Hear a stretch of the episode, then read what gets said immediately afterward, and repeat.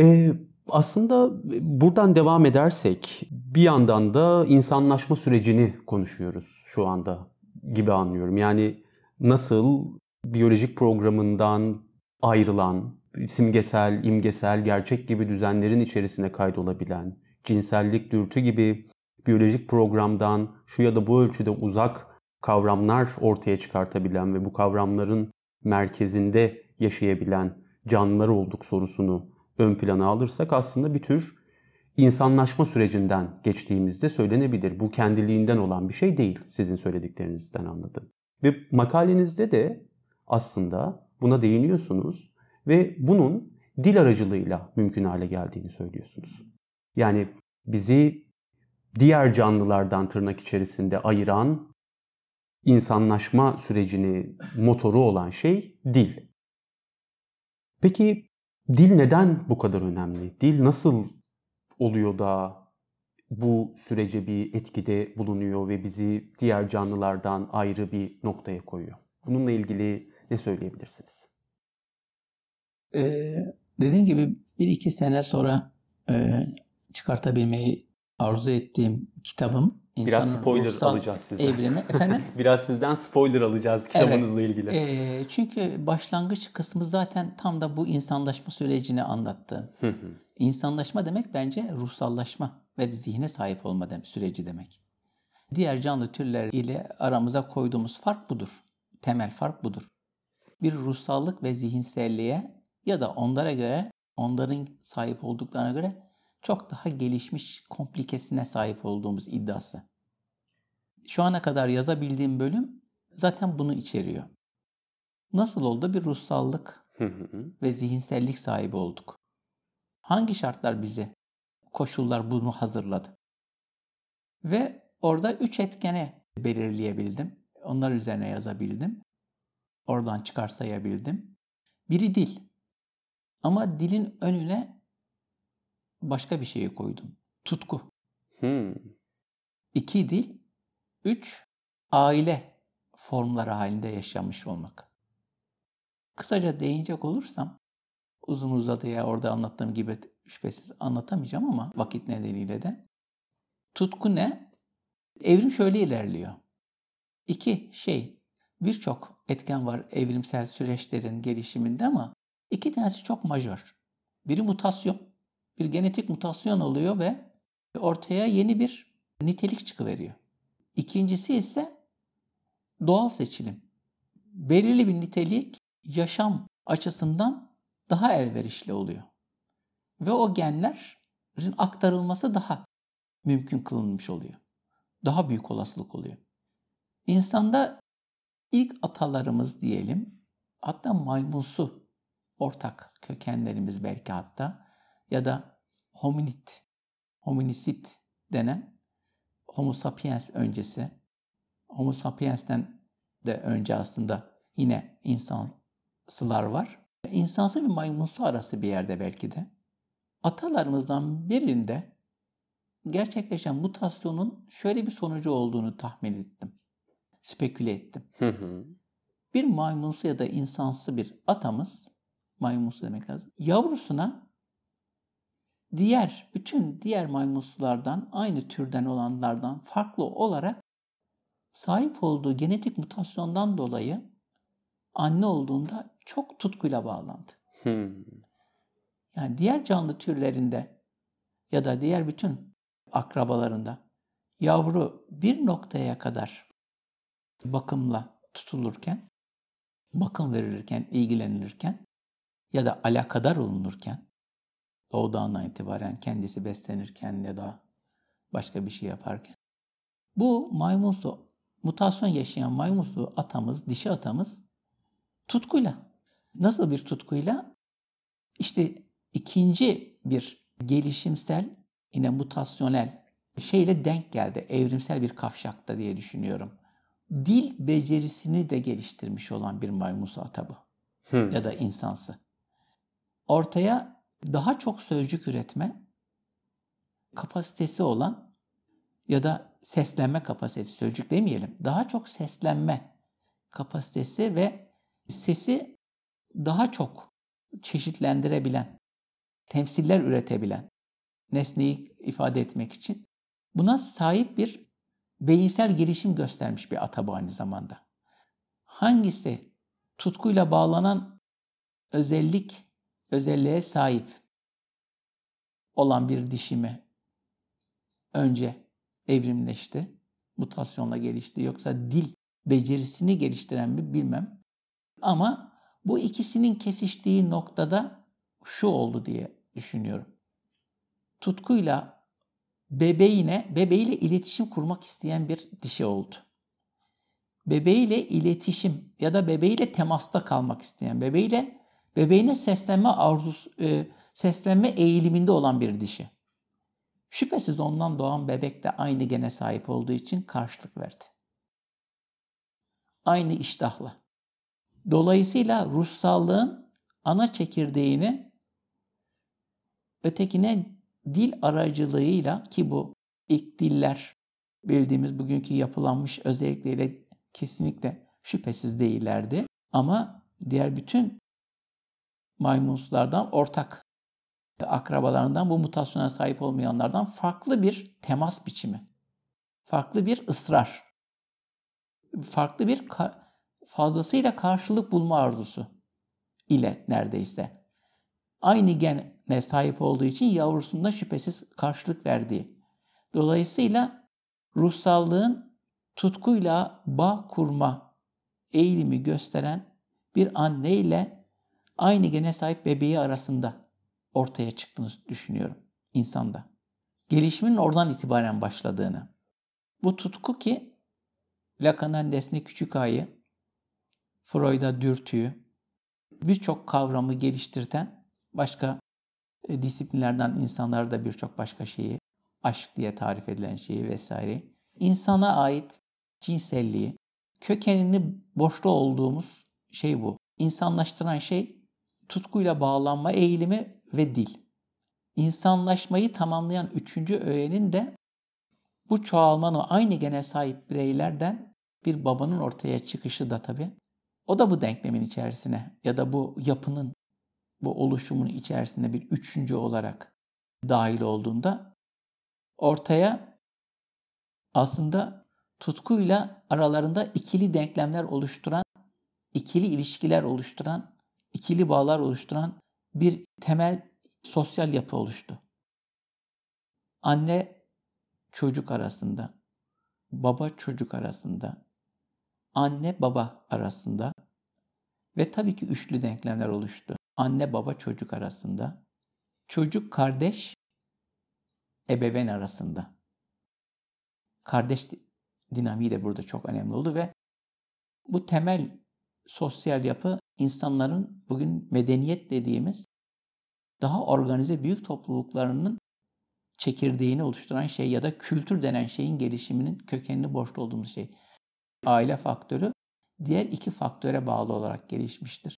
Ama dil tutkuyla bağlanmaya, tutkuyla bağlanma ise dile daha sekonderdir, ikincildir demek de çok güç ikisinin bir evrimsel çakışması var hmm. diye düşünüyorum. Benim için insanlaşmanın hikayesini tabii daha geniş bir şekilde bunları ayrıntılandırarak biraz ilgili disiplinlerden, evrim bilimden, antropolojiden, etolojiden biraz dayanak alarak ve psikanalizden oluşturmaya çalıştığım bir hikayesi var. Ee, bu, bu çok hoş bir e, teorik çıkarsama. Yani aslında Freud'a baktığımızda uygarlığın huzursuzluğunda özellikle medeniyetin oluşumunun, uygarlığın oluşumunun biraz daha babayla ve erkek kardeşlerle olan ilişkisini ön plana çıkartıyordu. Siz aslında buranın bir anlamda belki tarihsel anlamda bir miktar daha gerisiyle ilgileniyorsunuz. Yani daha üçüncü mesele ortaya çıkmadan ilk başta dil ve tutkuyla olan anne ve çocuğu arasındaki o tutkuda bir, bir şeyler arıyorsunuz. Bu, bu şunu da benim aklıma getirdi. Lacan da tutkuları şöyle tanımlıyor. Üç tane tutku olduğunu söylüyor. Aşk, nefret ve cehalet. Ve bu üç tutkunun da aslında dille çok yakından ilişkili olduğunu ama henüz o da benzer bir noktada hangisi önce hangisi sonra konusuna da çok net bir şey söylemiyor. Yani şöyle diyordu hatta Lacan, tutkular dilin oluşturduğu birinci leksiye verilen yanıtlar diyordu. Ama bu birinci leksik mi önce, tutkular mı önceyi anlamak çok zor şey olarak baktığınızda, kronolojik olarak anlamaya çalıştığınızda. Yani insan olmakla ilişkili bir şey, insanlaşmakla ilişkili bir durum ortaya çıktığında tutkuların daha hazırda orada var olduğunu söylüyor. Sizin söylediğiniz şey bu açıdan bana çok zihin açıcı geldi. Bu ve bu benzerlik de biraz daha bir yere oturtmamı sağladı. Sizin yine burada öne ön plana çıkardığınız şey e, anne ve çocuk arasındaki aşk. Tut, tutkudan kastınız. Değil mi? Doğru mu anladım? Aşktan ziyade sahip olduğu genlerin ister istemez o annenin kucağında bu bebeğini daha fazla tutmaya belki. Hmm. Ona daha fazla seslenmeye. Onunla daha fazla göz teması kurmaya. Hani ondan bir karşılık beklemeye adeta. Onun bir karşılık vermeye onu iten bir davranış örüntüsü. Aynı bu bir canlının başka bir nevi bir erkeği e, aslanın bir dişi ya da ya da bir erkek leoparın bir dişi leoparı bölgesinde hayatta istemez. E, saldırır. Yaşam alandaki besin kaynaklarına av hayvan, avlayacağı hayvanlara ortak çıkmadı çıktığı zaman ama ona genleri belli bir mevsim olduğunda kızışmasına yol açtığında o dişi onun için artık tehlike değil ya da o dişi için o erkek tehdit değil. Ee, birbirleri için. Bir anda tutum değişiyor. Yani genlerin sahip olunan genlerin ve bu genlerden köken alan içgüdülerin canlılara inanılmaz davranışsal örüntüler. İnsanı çok komplike, çok ruhsallıkla bakarsak, ruhsallığı çok idealize ederek başa, bakarsak, insanın bu gerçeğini, doğal gerçeğini yakalamaktan onu sıkalıyoruz. Bir dişi insansının yavrusuna baktığı şeyin aşk kelimesini kullanmaya gerek yok. Hı. Bir ısrar var orada. yani güncel dilden kelimeleri tercih ediyorum. Genleri ona bir ısrarda bulunuyor. Anladım. Bir şekilde o mutasyonla doğması o anki konsensusta türü için patoloji. Hmm. Ama doğal seçilim onu öne fırlatıyor. Çünkü ruhsal alan ve zihinsel alan açılıyor ve içinde dil daha iyi gelişiyor, zeka gelişiyor. Muhakeme etme becerisi vesaire ve o gene sahip o mutasyonu yaşamış dişiden üreyen türün hayatta kalma şansını arttıran özelliklere evrilmeye başlıyor. Yani bu açıdan bakıyorum ben.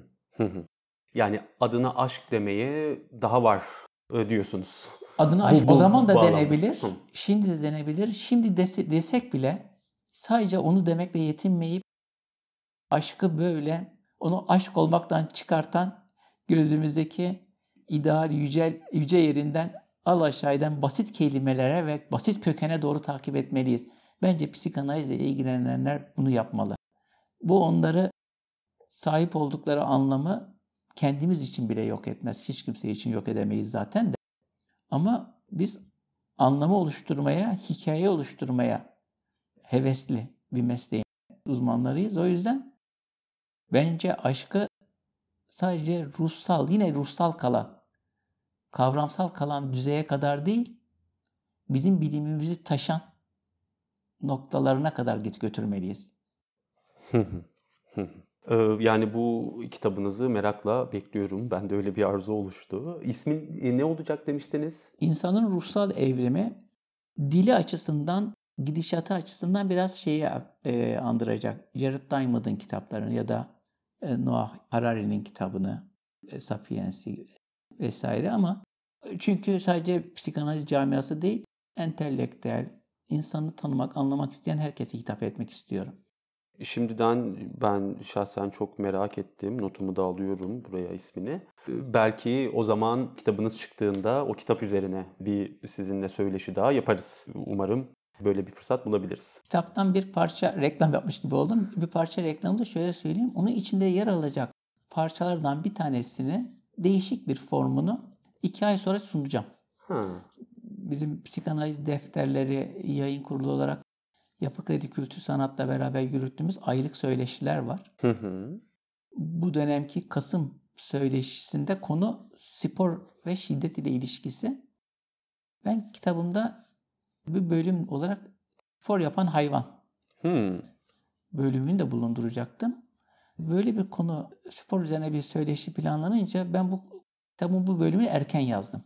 Ve değiştireceğim tabii kitapta bu kadar farklılıklar muhakkak olacak. Günden güne insanın fikri değişiyor ama aslında bu yaklaşımımı insana dair, insan ruhsallığının gelişimine dair bir yaklaşımımı spor üzerinden ele alacağım bir söyleşi olacak o.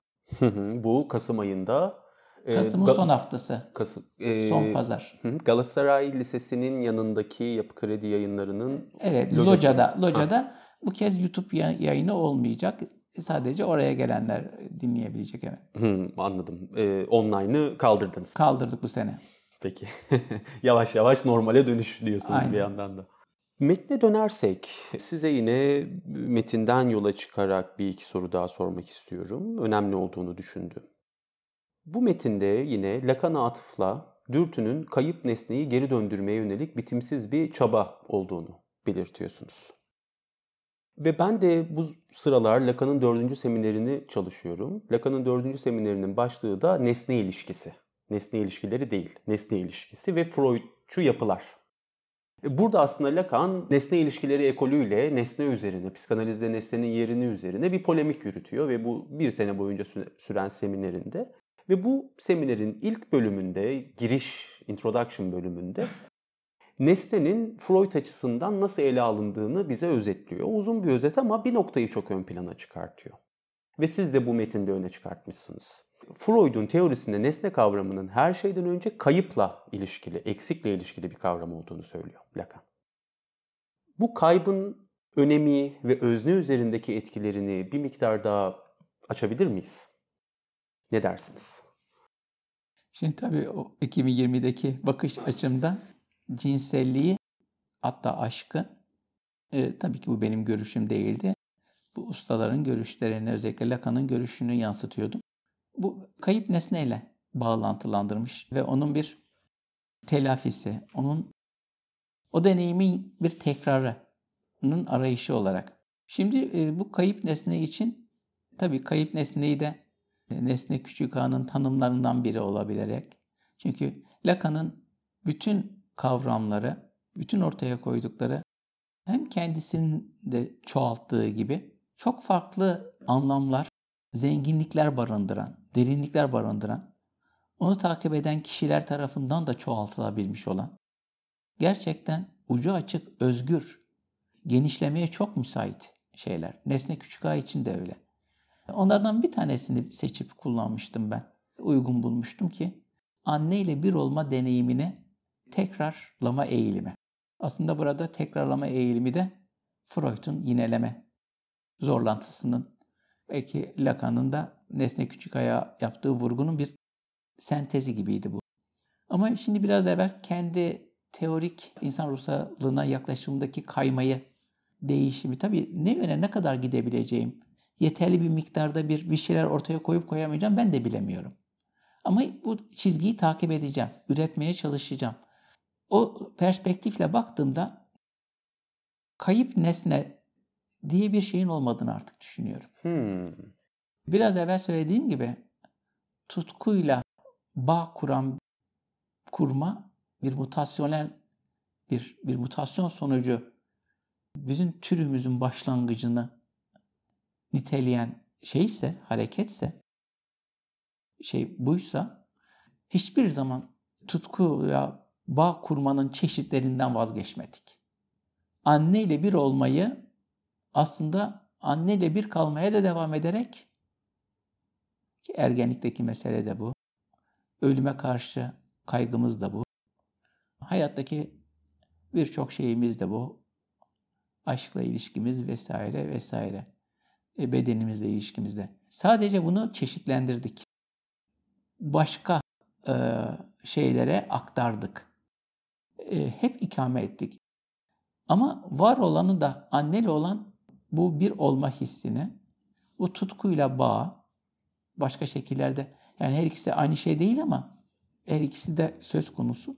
Hiçbir zaman yitirmedik. Hmm. Ne evrimsel olarak yitirdik ne bir, bir, bir birey düzeyinde bakarsak doğduğu andan itibaren hiçbir birey kendi hikayesinde yitirmedi.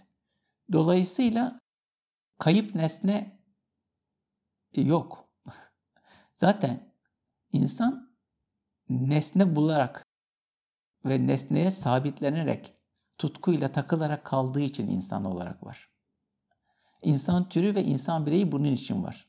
Yani siz kayb, kaybın yerine bir tür yineleme, bir tür o yinelemeden doğan çeşitlenme mi Aynen. koyuyorsunuz? Aynen. Hmm. Yani e, kayıp kelimesi biraz e, fazla kaş, kaçıyor gibi geliyor bana Hmm. artık. Kayıp nesneyi yeniden arama ya da bir kayıp nesnenin söz konusu olduğu ve bunun bir takım ruhsal olgulara yol açtığı gibi bir şey söylemek aslında insanın bir şekilde e, kaderini aştığını söylemek oluyor kaybediyorsak. Anne ile tutku dolu ya da anne ile füzyonel ilişkiyi aştık anlamına geliyor kaybetmek kelimesi. Bunu aşan bir varlık olamaz. O insan olamaz. Otistik özne bile aslında her zaman için yerleşiyor. En şiddetli formunda belki bunu okumak, görmek çok zor. Ama daha hafif formlarında her zaman için en azından anne nesnesiyle olan farklı bir bağ göze çarpar. Her zaman için vardır. Ve üstelik de dile geçmiş bir otistik. En şiddetli durumları söylemiyorum. Çoğu zaten bunun altında. Dile geçiyor hepsi neredeyse. E, dile geçmiş demek aslında ne dilin tek başına tutkuyla bağ olmadan gelişebileceğini düşünüyorum. Ne de tutkuyla bağın dil olmadan tek başına gelişebileceğini. Otistiklerin bu noktada bir e, zorluk yaşadıkları kesin ama kayıp nesne onlar için bile geçerli değil. Bu belki tam tersi onların kayıp nesneyi yaşamadıklarını e, ya da kayıp nesne durumuna geçemediklerini vesaire gibi şeyler söylenebilir başka bir teorik yaklaşımla ama ben tersini söylüyorum. Kayıp nesne onlar için bile geçerli değil. Yani çok iyi ifade edemiyorum. Daha kendi yakaladığım bir hat var. Bu büyük ustaların yardımıyla. Önce Freud sonra Lacan'ı tanıdım. Onları okudum. Ve diğerlerinin de tabii ki etkisi katkısı çok. Bion'un, Winnicott'un. Henüz çok iyi ifade edecek sözcükleri yazabildiklerimde, yazıya dökebildiklerimde geliştirebildim. Ama konuşurken henüz onu şey yapamıyorum. Şunu söyleyebilirim. Yani farklı bir perspektif sunuyorsunuz ve açıkçası ben dinlerken daha sistematik bir şekilde okumaya yönelik bir arzu oluştu bende. Çünkü dediğiniz gibi Freud'den, Lacan'dan ve diğer önemli psikanalistlerden köken alan ama daha farklı bir hatta yerleşen bir bakış açınız var. Yani söylediğiniz şeyler gerçekten heyecan uyandırıcı. O yüzden şimdiden ben sizden söz alayım. Bu kitabınız çıktığında ben zaten bir okurum öncesinden ve tekrar bu kitap üzerine konuşmayı çok çok çok isterim. Çünkü benim de aklımda birçok soru işareti uyandı. Ben de nasıl soracağımı henüz tam bilemiyorum sizi dinlerken bir yandan. Ama merakla bekliyorum bu ortaya çıkacak olan eseri. Teşekkür ederim. Ben de memnun olurum. Şunu yapmak gerekiyor diye düşünüyorum. Psikanalistlerin şunu yapması iyi olur. Okuduğumuz kuramcıları onların öğretilerine ortaya koyduklarını okurken kesinlikle onun verdiği mesajı almakla yetinmemek lazım. Anlatmak istediğine işaret ettiği şeyi görmeye çalışmak tek hedef olmamalı. Bu kişinin ortaya koyduğu bu bilgide, bu yaklaşımda eksik olan ne? Bu soruyu sormak gerekiyor. Bu noktada duruyoruz ve ikinci bölümün sonuna geliyoruz. Bir sonraki bölümde Sezai Bey psikanalistlere ve genç psikanalist adaylarına bir takım tavsiyelerde bulunacak. Ve yayın kurulu üyesi olduğu psikanaliz defterleriyle ilgili bize bilgiler verecek. Ayrıca yakın zamanda yine Yapı Kredi yayınlarından yayınlayacakları birçok metin hakkında bize detaylı bilgiler verecek. Bir sonraki bölüm haftaya pazartesi günü gelecek. Görüşmek dileğiyle.